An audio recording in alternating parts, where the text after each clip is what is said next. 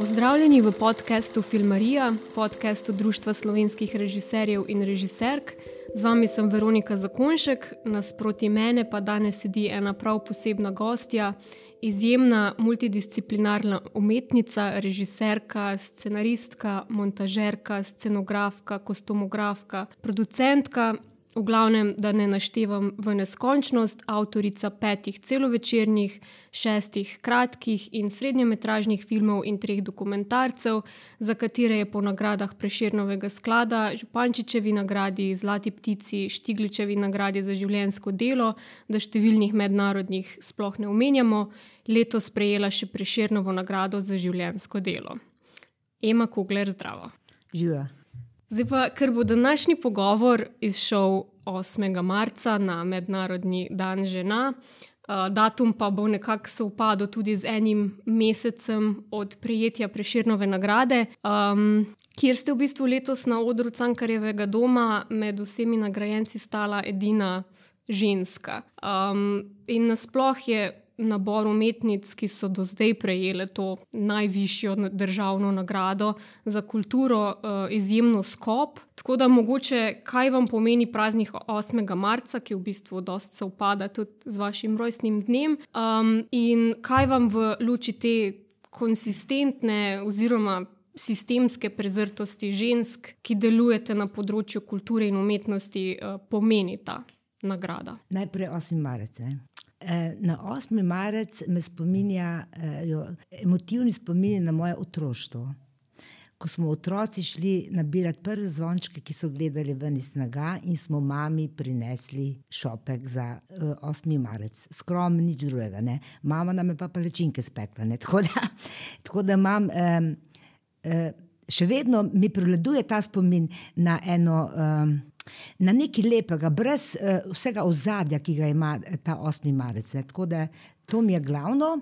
Seveda se mi zdi pomembno, da je ta uh, praznik, ampak nažalost je isto kot s kulturo, ker se oblast zave, da je kultura in umetnost se zave 8. februarja, da pa obstajajo ženske, se pa zave 8. marca. Ne. Tako da, uh, ja, seveda je prav, ne, da je zabeležen kot praznik. Eh, mora bi biti pa praznik eh, prost dela za vse ženske, če že. Ne? In tudi tako, ne, da potem doma kuha, pa pere, pa pospravlja, takrat je ženskam prepovedano delati in se morajo družiti in zabavati. Ne? Ok, seveda to je politični boj na dolge, na, na dolge proge, ne? ampak um, z majhnimi koraki. Ne? Tako da jaz predlagam prost dan za ženske, prepoved dela za ženske, veliko zabave in žuranja.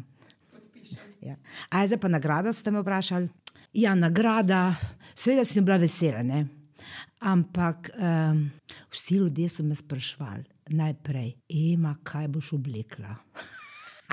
Zanimivo je, ko bi človek mislil, da to sprašuje samo une, ne, ne, ne, ki niso iz naših vrst, ki jih mi mislimo, da so bolj ne, konformni z poprečjem. Eh, no, sem rekla to, kar je v moji omari, in šla sem na oder v, v oblekah iz prejšnjega tisočletja. Ne. To je bilo to, potem so me spraševali, Ema, kaj boš z nagrado, z denarjem. Ne. Ne, kaj mi pomeni, eh, to so me novinari sprašvali, kaj mi pomeni denarna nagrada. In sem jim rekla, to sploh ni nobena nagrada, to je ena slaba stotinka eh, plačana plačanega mojega brezplačnega dela. Ne? Ker nagrada je, da ti nekaj dobiš, za kar se ti nisi nič trudil. Ne? No, in kako jo bom porabila, e, to pa še ne vem. Mame na določene načrte, ne? poti tam, onamo, ampak še ne vem. In me tudi sploh ne skrbi. Ne? Lahko pa denar kar zginil. Itak, če bo inflacija velika, pa če sem jaz dolgo razmišljala, ne bo na koncu vsega skupine. Ja. A ja, pa še ženska, število žensk. Ja, dobro, da je bila ta arhitekturna skupina malo širša, da je bila notrna ženska, drugače bila spet sama. Ko sem dobila ta malo preširnovo 2.8, eh, eh, je bil predsednik eh, upravnega odbora Dušan Jovanovič, seveda spet sami, sami moški. In ko pol meni najavijo, pa reče, o, pa končno imamo e, še eno žensko. Ja. Tako da, ja, to pa ne vem. Uh, ja, to je ta stereotip, ta patriarhalni vzorc. Ne. Seveda je veliko umetnic isto dobrih kot moških, ampak ne pride zraven. Zdaj pa jaz ne vem, lahko pa da je tudi to, da jih nihče ne predlaga, ker treba najprej predlagati. Ne. Bi bilo zanimivo pogledati vse vloge, ki so prišle kot prijave, ne? koliko je bilo tam žensk. Ne? Ker tudi v glavah žensk je ta eh, um, patriarhalni vzorec tako močan. Tako da ni treba nič po, po moških pluvati, kar naj ženske svoje, svoje, svoje razmišljanje malo spremenijo. No, to so zdaj obdelali, preširna smo dali nazaj v grob. um, ja, peva malo na tvoj prostor dela ker v bistvu je julija 2020, glih sred epidemije, um, se je pojavila novica, da se morate izseliti iz opuščene hale v kompleksu zraven železniškega muzeja. Um, gre za prostor, kjer ste v bistvu iz napol ruševin si ustvarjali delavnico, atelje, prizorišče in snemalno lokacijo v bistvu svojih zadnjih celovečercev. In takrat smo nekako vsi, vse iz kulturne sfere, vsi pa vprek smo podpisovali peticijo, ki bi ustavila postopek te vaše izselitve. Um, iz prostora, ki ste ga v bistvu vzdrževali zadnjih deset plus let, um, in brez katerega bi tudi vaš filmski opus verjetno izgledal malo drugače danes. Um, kako je nekako ta hala postala vaš drugi dom, vaš delovni dom, Uh, in pa kakšna je zdaj trenutna situacija okoli tega očitno nikoli končanega boja za vaš ustvarjalni prostor? E, brez tega prostora mojih zadnjih treh filmov ne bi bilo. Ampak je zanimivo, ne? E, ker mi, ko delamo na neodvisni sceni, zdaj jaz, del, jaz sem tudi sama producentka, ne? tako da ostale režiserji, ker jaz sem njim za režiserko, jaz sem pač ne. E, Avtorica, ker, ker moramo upravljati toliko stvari, ne? tako da režija je ta zadnja in v bistvu sploh ne vem, kaj to režija je. Um, jaz sem začela delati uh, najprej doma in za, uh, za te kratke filme, vse, kar je bilo narejeno, je bilo narejeno pri meni doma, pa na Kersnikovi štiri, ker takrat sem pa imela producent, kot je bila Eva Rorman iz Škuc Foruma. Uh, tako smo delali gor na hodniku. Pa v njeni pisarni, pa pri meni doma. Ne. Potem, seveda, potem so se mi dve rešili in moje, eh, moje želje so se širile, seveda vsak naslednji je bil mal daljši, mal bolj zahteven. Uh, potem, sem, uh, uh, potem sem pa prijavila, to je bil Homo erectus uh, v Cankarjem domu in takrat je bila uh, uh, za teater, uh, je bila Ušla Cetinski in je ona sprejela moj projekt, ampak ona ni vedela, da bo poleg performansa, da bo to za sabo potegnilo tudi film. E, tako da, no, e, ampak bil, e, so bili v redu, ne, so bili zelo kooperativni. In takrat sem jaz, ne tri leta, pa še fantoma, sem tudi tam noter delala, v zaodrju Galusove dvorane, pa pod velikim odrom eh, Galusove dvorane. No, in seveda, jaz sem tam eksperimentirala, un parafin kurla, tako da sem rdel gor v Galusovo dvorano in se kadil v glavnem. No, potem sem imela prepoved vstopa v Cankarjev dom, ampak jaz sem kljub temu hodila noter in tam končala film. Eh, ker je Tovnik rekel, rekel puste je to, da tole konča, pa, pa nikoli več. Ne. No in potem, no tam sem bila dva narejena, Homo erectus pa fantom. Potem sem začela pa delati eh, eh, za, za konec časa. Takrat sem pa že videla, da tole pa ne bo šlo. Ne? Zdaj doma tega ne moreš delati, scenografije za, za te velik studio, nek deset scenografij za te velik studio, viba. Ne? Sem se pa malo kolpela in si našla eh, na pol podrto stavbo stare pošte, tam, kjer ima zdaj mladinsko gledališče svojo dependanco. In sem se kar te noter res zaskotala, nihče ni vedel, je bil pa tam en varnostnik, ki ga je postavila mestna oblast, da je čuval tisto razvalino, da se ne bi tam džanki zbirali. In jaz sem šla do varnostnika in sem mu rekla, da sem iz mladinskega gledališča in sem ne, iz njegove kajute potegnila kabel, da sem jaz elektriko. Situacija je bila pa taka, da tam je pol strehe je manjkalo in eh, pol ene stene, tako da je noter snežil, da je žival, glavno. No, tam sem jaz delala, sem začela delati eh, za konec časa in ga prijavila na, na filmski sklad, in seveda so mi odgovorili, da je vsebina popolnoma neprimerna in triklica, in da je ni bilo. Potem sem se ustavila in sem začela delati Legron Macabre. To je pa sama animacija, grafična. Eh, Vsega mogoče bom pa kasneje, bom ta film napravila. Uh, no, ta film končam, še enkrat prijavljen, seveda, spet ni bilo nobenega denarja. No, ampak jaz sem potem skupaj producenti, ko so mi tako vedno pomagali, ker jaz, uh, jaz sem dobila uh, financiranje iz sklada samo za zadnji film. Uh, tako da sem potem uh, uh, v teh raz, razsutih prostorih stare pošte eh, tam smo eh, napravili scenografijo za, odmev, za konec časa. Potem pa že vmes je hodil tja pa direktor gospodarskega razstavišča, v Sopedena, Armani obleka, dišal je Madonna, da se je vohal nadaleč. Je rekel, ja, vi boste mogli pa to ven, je to je za vas nevarno, jaz sem pa to če vedela bolje njega, za mene nevarno ni. Pa, eh, so pa hoteli ta prostor, eh, ta prostor eh, so hoteli kupiti eh, ti od eh, gospodarskega razstavišča, je bil pa v mestni eh, lasti. Ne? No, in potem pridem jaz en dan, zima je bila, grem noter, prežgem radio, ne? radio ne dela, ko je. Zunaj so bili pa že bagri in sem videla, ko je bagar pelal. Mi je precvikal kabel, pogrem pa do uh, delovode tam, ko so že neki podirali, ker zadnji so bile pa še na stavbi, nisem se da bo ti stavbe zadnji podrli. Ko vprašam, kaj je rekel, ja, bežte ven, tu bom mi zdaj vse podrli. No, je na kap, sred produkcije. Ne.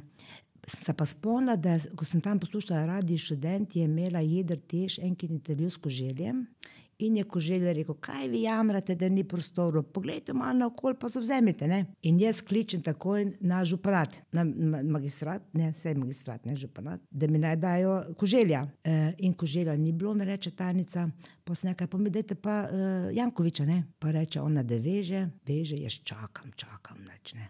Pa pa naenkrat zaslišiš na drugi strani. Ja, kaj zdaj, kaj zdaj? kaj zdaj, kaj zdaj? Mene bojo tule zasul, rušijo, ne kaj, no, potem jaz razložim zadevo. A ja, še prej sem pa, sem pa klicala tudi na ministrstvo za kulturo, tam so me odjebali, tisti moment, nič ne. No, in je bil Jankovič tolk, da je rekel, da je prišel na lokacijo pogledat, on jim je naročil naj ustavijo rušenje. In res čez dva dni prišel s celo ekipo, pravnik, pa ne vem, kdo še se ni bil zraven. Uh, in smo, je rekel, ja, kaj zdaj tole, to mi moramo porušiti, to je zdaj ne, ne vem, kaj je nujno. Snega, jaz sem pa film končati. Pa je rekel, kako še rabite, snega do konca oktobra. Je rekel, roka, roka, sva si dali roke zmenjeno in so napustili primir. Ne. No, eh, in potem seveda sem šla ven, ker to je bil del zmenjeno, jaz to popolnoma razumem.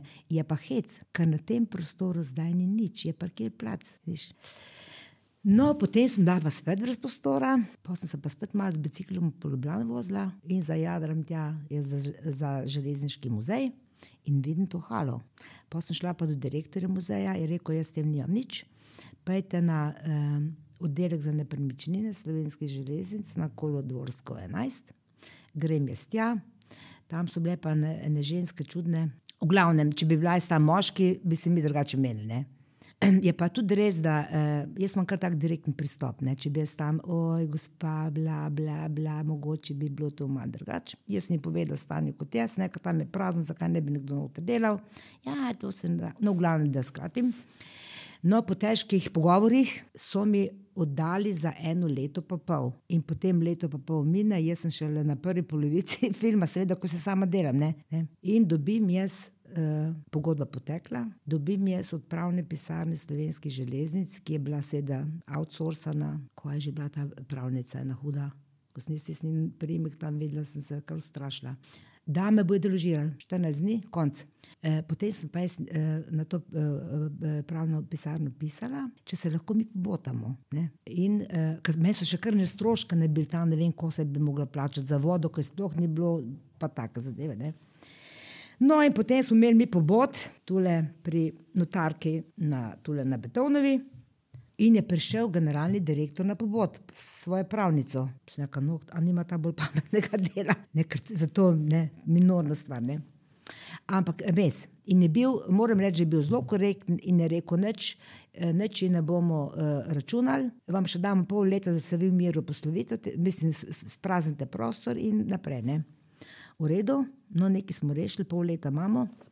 Potem se pa jaz spomnim, da, da na moje prijatelje sestra dela na slovenskih železnicah in jaz pišem ne e-mail če lahko ona kaj postori. In točno 7. Eh, februarja eh, tistega leta, ko, smo, ko je bil upor, ko, smo, ko je grom zakuril und kontrabas pred hodom v Cankarov dom, malo prej jaz dobim od nje mail, Ema podaljšala ima za pet let brezplačno.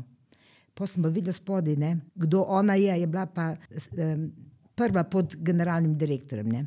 No, tako da smo bili za pet let rešeni. Aleluja, tako da sem tisti film končala v miru začela nova, novega, potem se je pa to nadaljevalo. Potem je šla pa ona v penzijo, ker je rekla, da se prečasno, ker reka, da se ne gre več eh, teh špilov, ki jih imajo na teh železnicah, ker ni nobene strokovni, samo politični kadri, gor na vrhu. Ne. Pa pa nisem imel res nobenega zaveznika več. No, ampak jaz sem težila, težila vsako leto prošlo, pa no, potem sem še enega drugega najdla tam, to je bil pa nekdo drug zaposlen tam, kar na visoko poziciji, pa prijatelj enega mojega drugega prijatelja. No, tako da mi je on dvakrat zrihtal, pa, pa ni bilo več možno. E, ampak vedno je bilo tako, tik pred zajci. Pre, e, če človek razmišlja, kako boš ti delal, ne, ti imaš tri četrt filma narejenega, a bo šlo vse v maloru. Ne? No, v glavnem, da pridemo do tega zadnjega, poletje 2020, to je bilo pa, da tu pa ni več poti nazaj. Ne? Jaz sem pa že prej pisala, takrat je bil še Prašiček. Eh, prašiček je bil, koliko je bil, dva ali tri mesece, bil eh, minister. Ne? Jaz pišem Prašičku, da lepo prosim, če lahko ministrstvo kaj intervenira, da to je vloženo toliko in toliko denarja, toliko in toliko narejen, naj me pustijo, no, da jaz film končam. Ne? In jaz dobim uh, od ministrstva odgovor, da je urejeno a ni hudič, vlada pade in dobimo mi vaska simulitija. In jaz takoj vas, jaz pa usporedno sem pa pisala na slovensko železnico, da sem dala prošljo na ministrstvo, da to uredi. Ne? Ne? Da ne morem jaz kot fizična oseba to urejati. Vse to je v javnem interesu, da jaz film končam. No, pišem vas kot to, seveda nobenega odgovora, pa sem na part klicala tja, kaj se dogaja. Ja, bomo, bomo, bomo, bomo neč. No, v glavnem bližalo se poletje. In jaz dobim od železnic kratek dopis. 31. augusta morate predati prazen prostor in ključe nazaj. V eh, primeru, da to ne storite, vas bomo mi deložirali na vaše stroške. Kar pomeni, da 40 tisoč evrov ne bi bilo dovolj, da vse se to odpelje, ker to je bil poseben odpad. Pol še sklical na ministrstvo, glavno neč. Potem pa, kaj zdaj, denarja ni za odvoz. Potem sem pa spet s pomočjo prijateljev na pozicijah dobila sponzorstvo eh, Snaga Ljubljana, da so meni vse to za ston odpeljali. In oni meni se to odpeljajo, dva dni po tistem dobim jaz eh, mail iz eh, slovenskih železnic, ne mail, klic, me kliče generalni direktor, da ga je klical Vasko, Simoniti. Da naj vendar me pustijo tam noter, da dokončam. Ampak, če bi on to napravil, ne, malo prej, bi, ne, ne bi bila škoda narejena, ker je bilo pa vse uničeno. In samo v materialu je čez 150 tisoč evrov, samo za material, ker to so, vsi, to so od Fantoma naprej vsi filmi. Ne? No, potem in so mi podaljšali do konca leta. Ne? No, potem smo dobili pa novo ministrico. In jaz spet pišem novi ministrici, ne, da lepo prosim, če lahko kaj storijo v tej smeri, da me pustijo noter. In seveda so, ne, so intervenirali, in zdaj imam podaljšano do konca eh, letošnjega leta. Ne. Kaj bo pa naprej, pa ne vem. No, tako da to je ta saga. Ne? Kaj pa bo zdaj te, s tem filmom, ki je nastajal? Nič, zdaj imam jaz. Eh, jaz sem potem, eh, eh, že, eh, ko sem vedela, da morala venjeti, sem jaz postavila, eh, sem napravila performance in Trojtus. Uh, in sta bila oba prostora, to je tisoč metrov uh, kvadratnih, veliki prostori, uh, so bili narejeni kot kot en tempelj, en tak abstraktni, ne, arhajičen, futurističen prostor. Tako da mi smo to posneli. Ne. Seveda sem ne, klicala spet svoje prijatelje. pa hvala Bogu, da je Bela kot dober na, na Steadicamu, da takrat ni imel nobenega posla, ki je bila korona. Da smo mi to vse s Steadicamom posneli. To je ta material zdaj čaka, to je 20-minutni eh, Bil, iz tega bom verjetno napravil 20-minutni kratki film, bom videla, mogoče še kakšne animacije zraven, ampak za to moram imeti denar. Ampak to je hvala Bogu, da sem vse to posnel. Uh, to imam zdaj ne, na diski spravljeno in ko bo čas, ker zdaj itak nimam časa, ker delam drug film, uh, bom sigurno iz tega nekaj napravila. Ne. Naslov je pa izgon iz raja. ker tak, to je bil za mene raj tisti prostor. Kljub temu, da so šipe razbite, streha pušča, nobenega gretja ni, v glavnem, pogoji hudi ampak prostor prečudovit, predvsem pa to, ker res, ko delam te ogromne scenografije, jaz rabim ogromen prostor. Ne? Jaz ne rabim nobene pisarne, jaz imam doma montažo in pisarno, tri eh, skrine, pa eh, močen kompjuter, pa je to to, ne? ampak za delati pa rabiš prostor.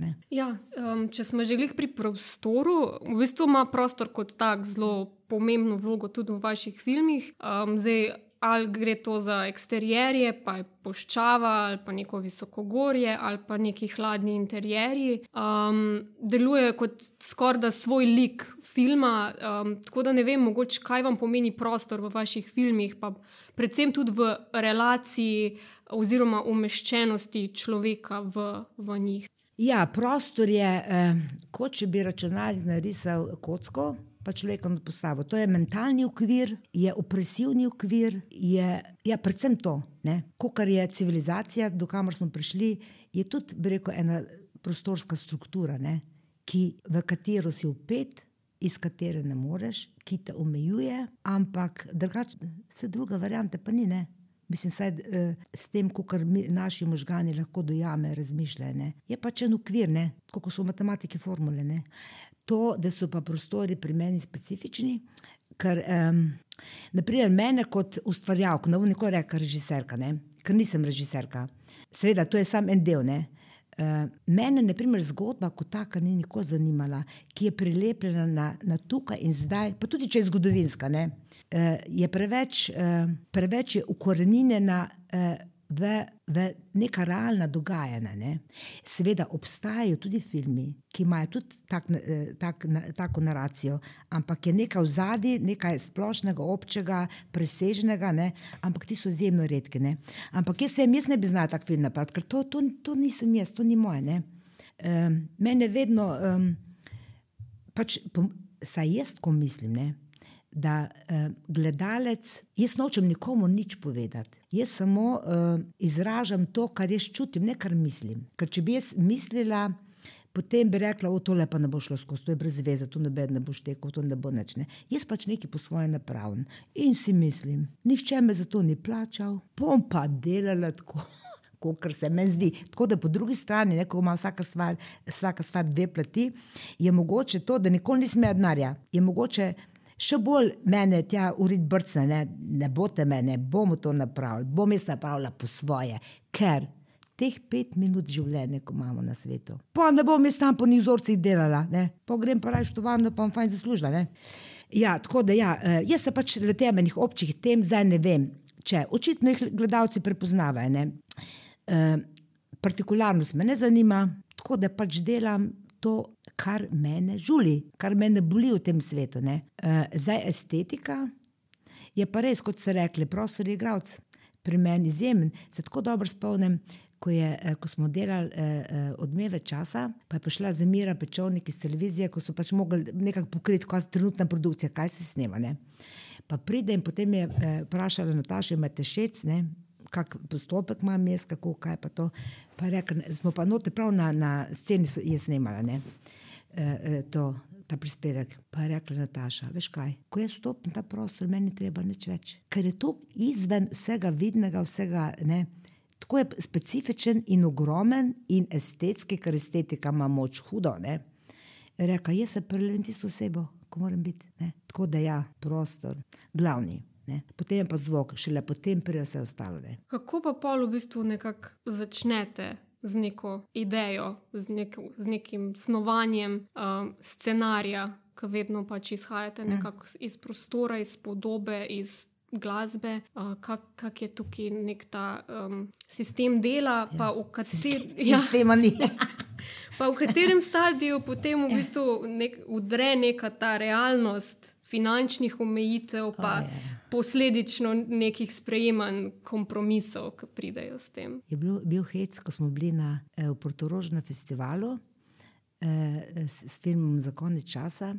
In potem me je ena uh, od novinark sprašvala, pa, pa kako, pa zakaj, pa kako, pa zakaj, pa zakaj, pa zakaj vi to delate, pa se to ljudje ne razumejo. In ni nehala s tem, zakaj, jaz sem da rekla, pa sneka, sneka tikala, ker smo tu besna, sneka veš kaj. Zdaj pa ti meni povej, zakaj pa ti dihaš. Ne. Ker to uh, smo različni. Eni delajo, poglej, eni hodijo na akademijo, se učijo. Ne eni hodijo se učiti kreativnega pisanja, eni ne, plesa, se učijo. Smo različni ljudje, eni imajo to potrebo v sebi, da se učijo, jaz se pa učim sama po tem, kako jaz odkrivam svet. Ne, uh, ne vem, mislim, težko ti rečem, kako se pri meni začne, vedno z enim čustvenim stanjem. Uh, ker če si kolikor tako senzibilen, te mora svet boleti.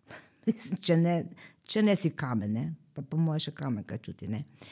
Ja, pač nekaj se v meni ne bere, in jaz se usedem za računalnik in kar nekaj začnem pisati. Ne? Ko pa sem, kam bom prišlo. Tako ne vem, kako bomo dve tale intervju danes končali. Ja, mislim, pa zakaj bi si tako oteževal že vnaprej? ene omejitve postavljal, pa ene strahove imel, pa ne vem kaj. Jaz se usedem in začnem nekaj pisati. Ne.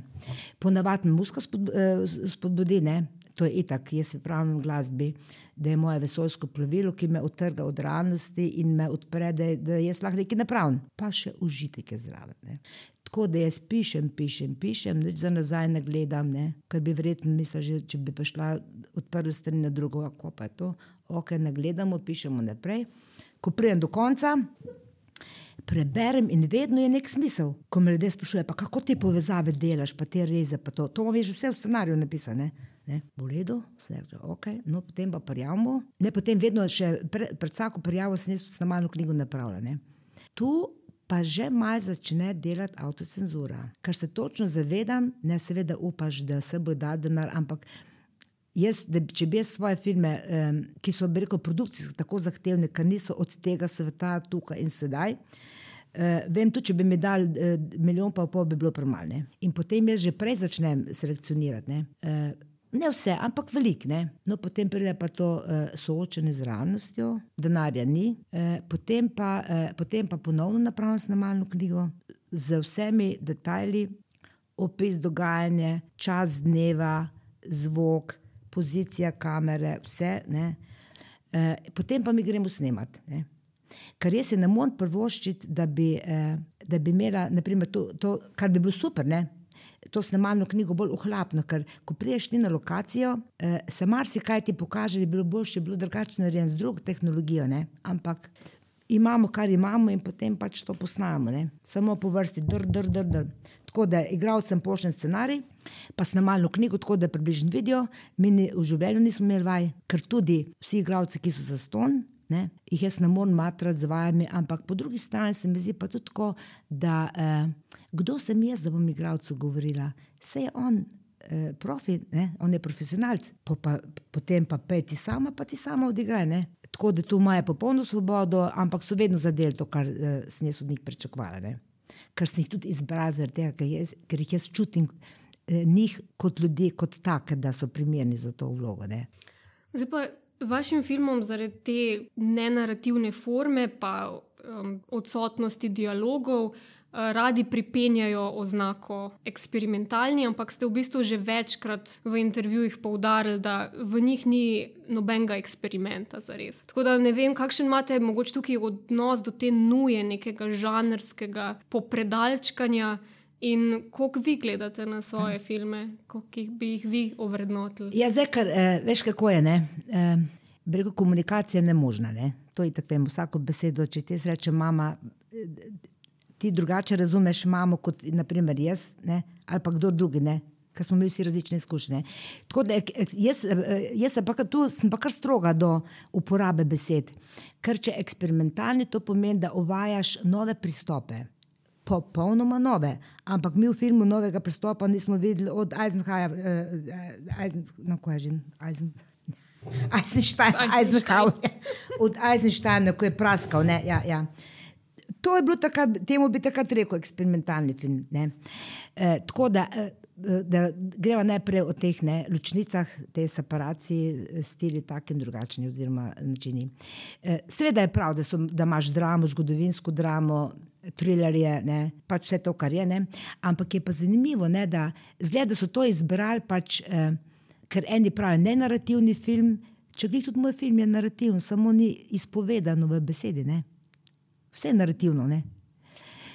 Tako da to je bolj ohlapen eh, eh termin, ne? eksperimentalni. Jaz tudi prijavljam na festivale, eh, jaz dobivam nagrade za, eh, eh, za feature film, za eksperimental film, za, za ne vem kak film. Ne? Mislim, tako da na festivalih imaš te rubrike, da imaš eh, eni, večinoma eksperimentalni tja noter gre ti, ko ne grejo po ustaljenem vzorcu, ko so malo drugačne. Ampak eksperimenta pa ni. Jaz pravim samo to, da pri meni je velik eksperiment, edino ta, da brez znare mi vse to ustvarjamo. To pa je eksperiment. Ne? Zdaj pa me mogoče zanima, ker ko pogledamo vaš opus, se nekako zdi, da je vaše življenje en sam izbruh ustvarjalnosti in neke kreativnosti. A se tudi vam kdaj zgodi, da se na, znaj, znajdete pred neko blokado, pred praznim listom papirja in da nekako brez navdiha se to tudi kdaj zgodi, pa kakšna je pot iz tega? Veš kaj, če bi se znašla pred praznim listom, brez navdiha, bi poklicala frende, pa bi šli žurat, pa bi si sigurno kaj spomnila. Ne se to zdaj malo zakecne. Ne, to se mi še ni zgodilo. Ne. In meni, iz, meni je izziv, ok, pustimo zdaj scenarij, ne.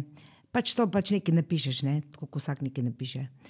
Uh, ampak meni je uh, potem užitek, ko se znajdem pred nečim, kar ne vem, kako mrešla. Naprimer, ko sem rabila uh, kip, jaz nisem kiparka, ne, kom zdaj skip napravila, narja ni, napravi ga ne. Ja, pa sem ga napravila, ne, potem kalup, odlitek, vse kot je treba, ne, brez da bi. Ne. Ker mi zdi, da ljudje preveč se bojijo, da ne bojo, da ne, prč, da ne, to je ta paradigma, že kot otroka vzgajajo. Ti tega ne znaš, moraš tako le, pa tako je prav, pa tako je prav. In že takrat v, v otroku ubijajo vso to njegovo, uh, vse te potencijale, ker jaz sem sto procent, da imamo mi vse potencijale v glavi, samo so zablokirani. Ne. Točno zaradi te vzgoje. Ne? ne znaš, ne smeš, moraš se učiti, moraš poslušati. V redu, učiti se treba, to ni nič proti temu. Ne? Ampak pusti odvode levo, desno. Saj, če, če teh odvodov skozi zgodovino ne bi bilo, ne bi, bi bili mi še vedno v jami. Ne? Tako da vedno se pa ljudi najde, ko ne, vlečajo tole našo civilizacijo naprej. Ne, tako da mm, ne, ne poznam tega kot ne čaka na navdih. Kaj zdaj pa izčakal na navdih? Pa če se odzovem, kar se v meni dogaja, in to je to, ne? in to ni nobene misterije v zadnji. Tudi nimam jaz nobene rekel, ambicije, da skam, da pa je svetu nekaj povedala. Pa, ja, pa da bi nagrado dobila. To mi vse dol visi. Jaz sem nagrajen, ko je film končan. Če pa ljudem še vseč, pustimo mi nagrade. Ne? Nagrade so super, da ljudi z njimi strašiš. Uh, Ampak kaj? Ne? Tako da ne, eh, ne poznam tega praznega lista, ampak to so oni, ki hočejo biti umetniki. Jaz za sebe nikoli nisem rekla, da sem umetnica, ker je ta beseda umetnost izgubila ves pomen, ker danes je vse umetnost. Ne? Se vsi reš na, na uh, piksno, pa daš v moderno galerijo, pa je huda umetnost. No, se zdaj tole malo pretiravam. Ne? Ampak res, ne? vse je umetnost, tako da. Um, Jaz pač nekaj delam, en peče žemlje, drug kuje žeble, jaz delam pa filme, ne? nobene velike misterije. Vsem, da ima težje, pa film ne pravi, tako žemlje spečne. to je pa res. Ja. Tako da ni problema praznega lista, ni problema, da nimam ideje, ker kaj boš čakal na idejo. Ne? Ja, se to ne pride, to se nekaj v tebi zgodi in ti začneš nekaj delati. Ne? Kot če daš ti prst na vroč štedenik, boš to domaknil, ko bo dosti vroč. Ne? Tako da vse ok. in vse narobe.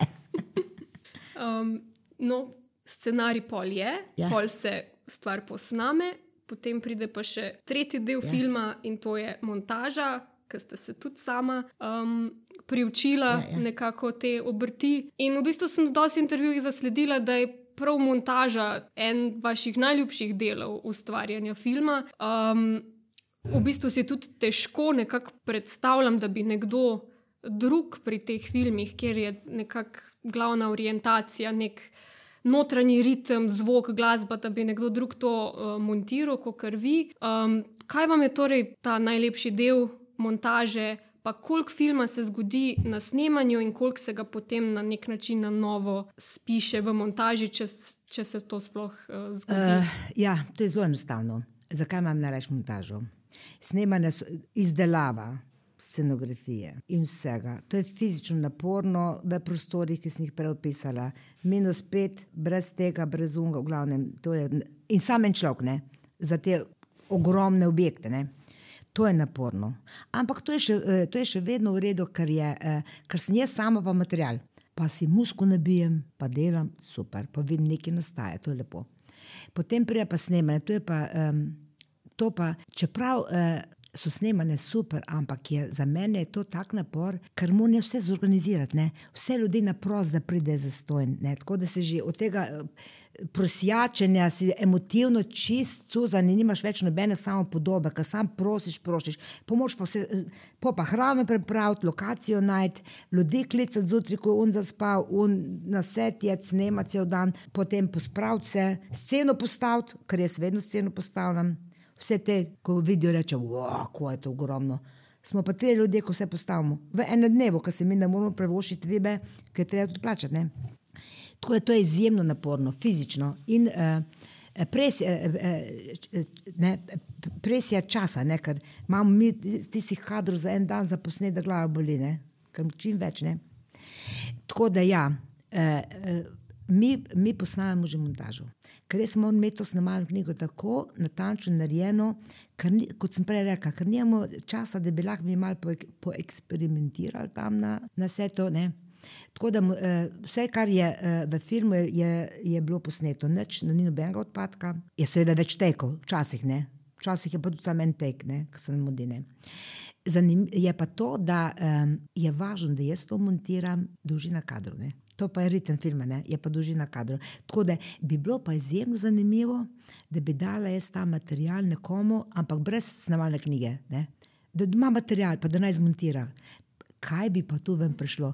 Če bi imela denar, bi točno dala enemu težavu, da je to imaš diske, ne? zmontiraj film. E, bi bilo zelo zanimivo, kaj bi. E, to bi pa bil en eksperiment. Ne?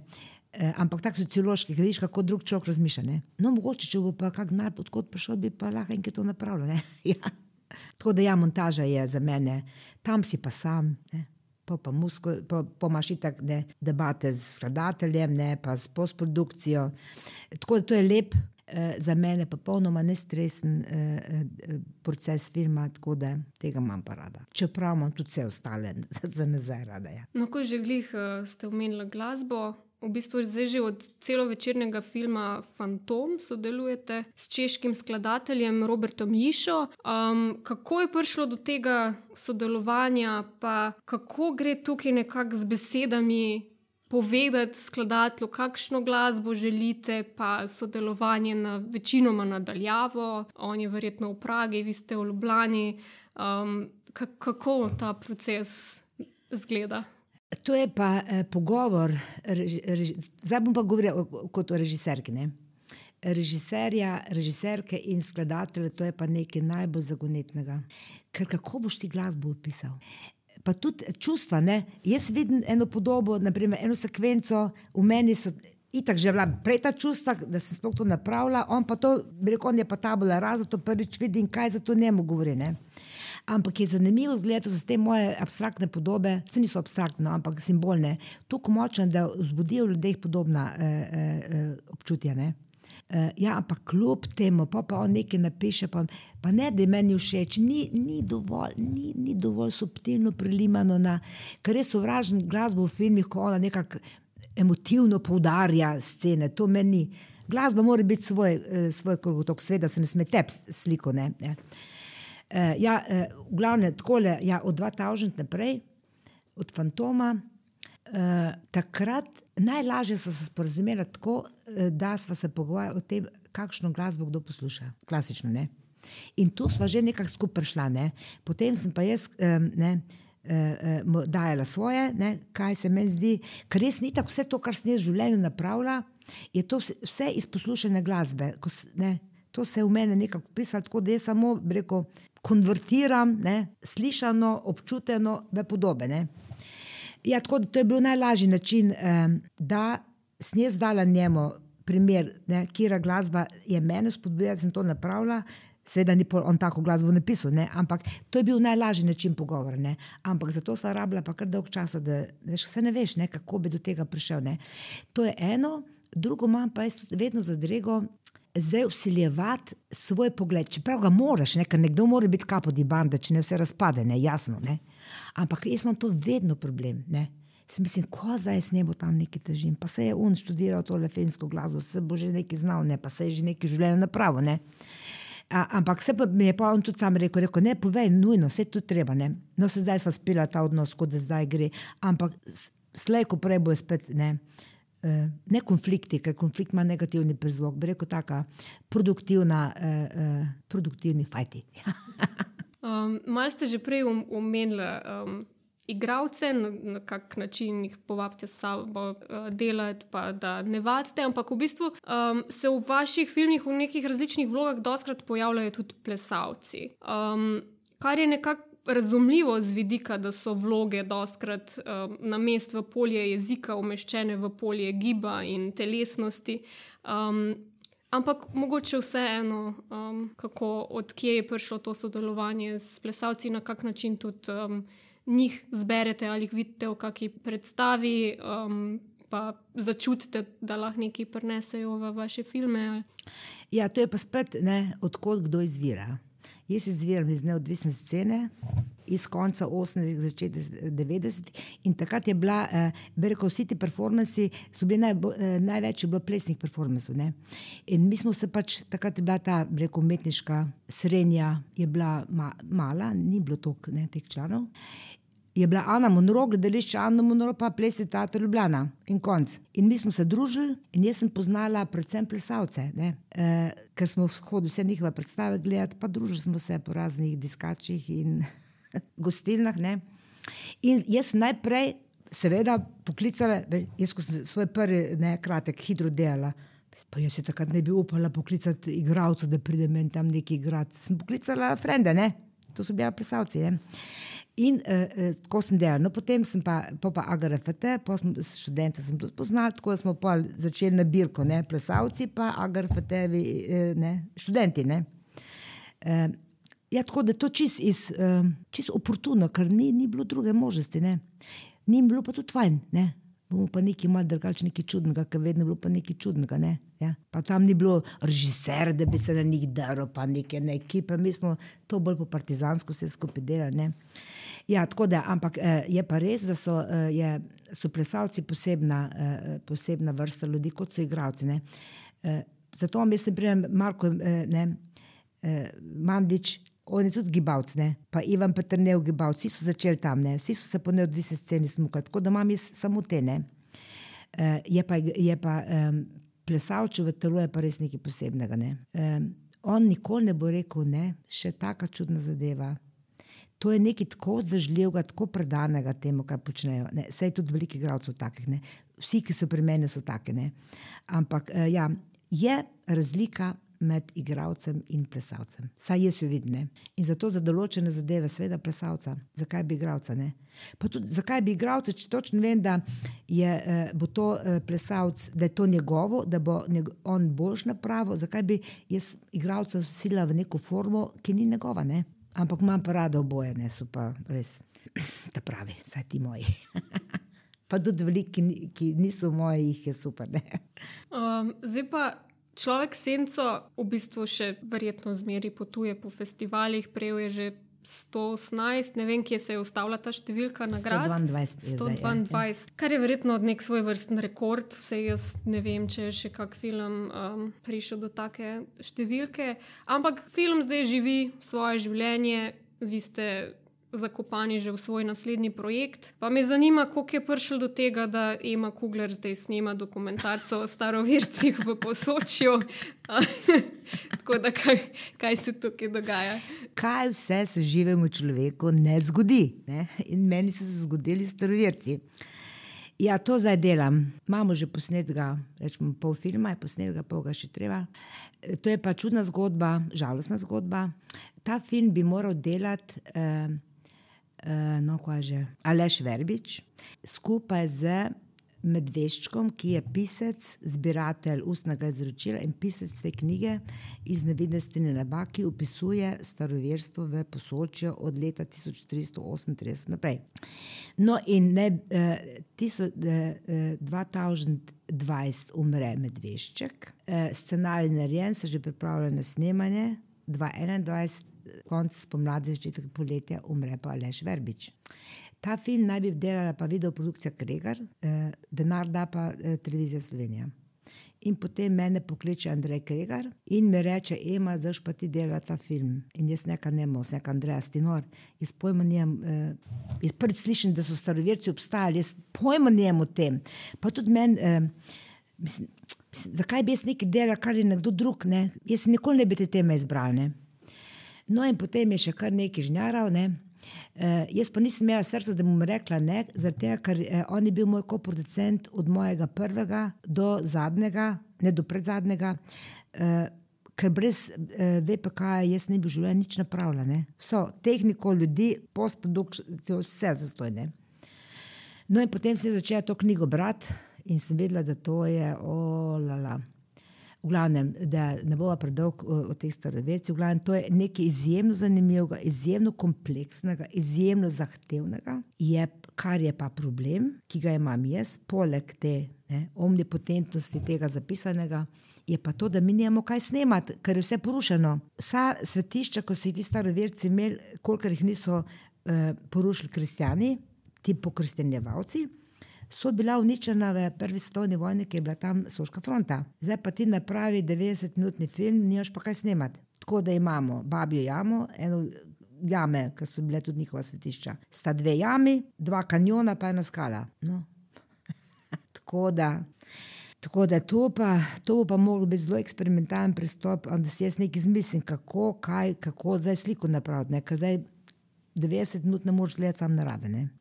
Tako da to zdaj iznajdevam. Nekaj teh obredov smo uh, posneli, uh, tako nakazano posneli, ne? da imam vsaj nekaj materijala, nekaj bo 3D animacije, to pa zdaj tudi ne vem. Jaz sem dala še vlogo na, eh, na ta televizijski razpis, ko je za, za filmsko produkcijo, zaprosa za zelo majhen znesek, ker ta bi nam pomagal, da mi vsaj določene stvari, ki so porušene, da bi mi v 3D animaciji pokazali tako na bolj abstraktni način, ne, ne čisto tako, kot naj bi bilo, ne? Eh, da ljudje dobijo občutek. Ne? Eh, zdaj bomo videli, da bodo dali oni še kaj zraven. Če ne bomo pa, ker jaz sem se pa tudi nekaj uh, razvila v tem času in sem se odločila, da ta doba, ko je shodno od enega do drugega, ga prosjačim, pridi, dela za ston, pomaga, da je to, da je uno brezplačno, je konc. Tako da jaz bom napravila ta film v gabaritih, koliko je denarja. Tako da vse, kar smo do zdaj eh, snemali, snega fante, zdaj te račune, plačali takoj. Tako da mi smo že porabili eh, dobro tretjino denarja, pa imamo zelo malo posnetka. Ampak neki bomo že skupaj scomprali, ko pravijo prek Murci.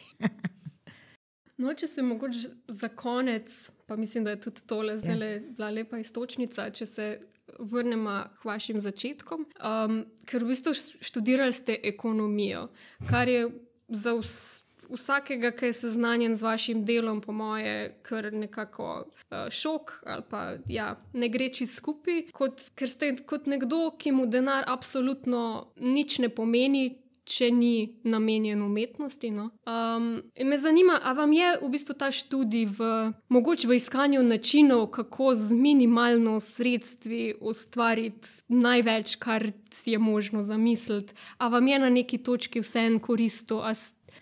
Ne, ko seveda mi je koristno, ampak v, eh, neč pri pridobivanju denarja. Eh, koristno mi je, da lahko eh, vodim produkcijo sama, ker tam je pa tudi treba znati malo računati, pa procente, pa ne trende, pa tole, ne, da to skozi praviš. Ampak to v bistvu zato niti ne bi rabo ekonomskega faksa, da to bi se že.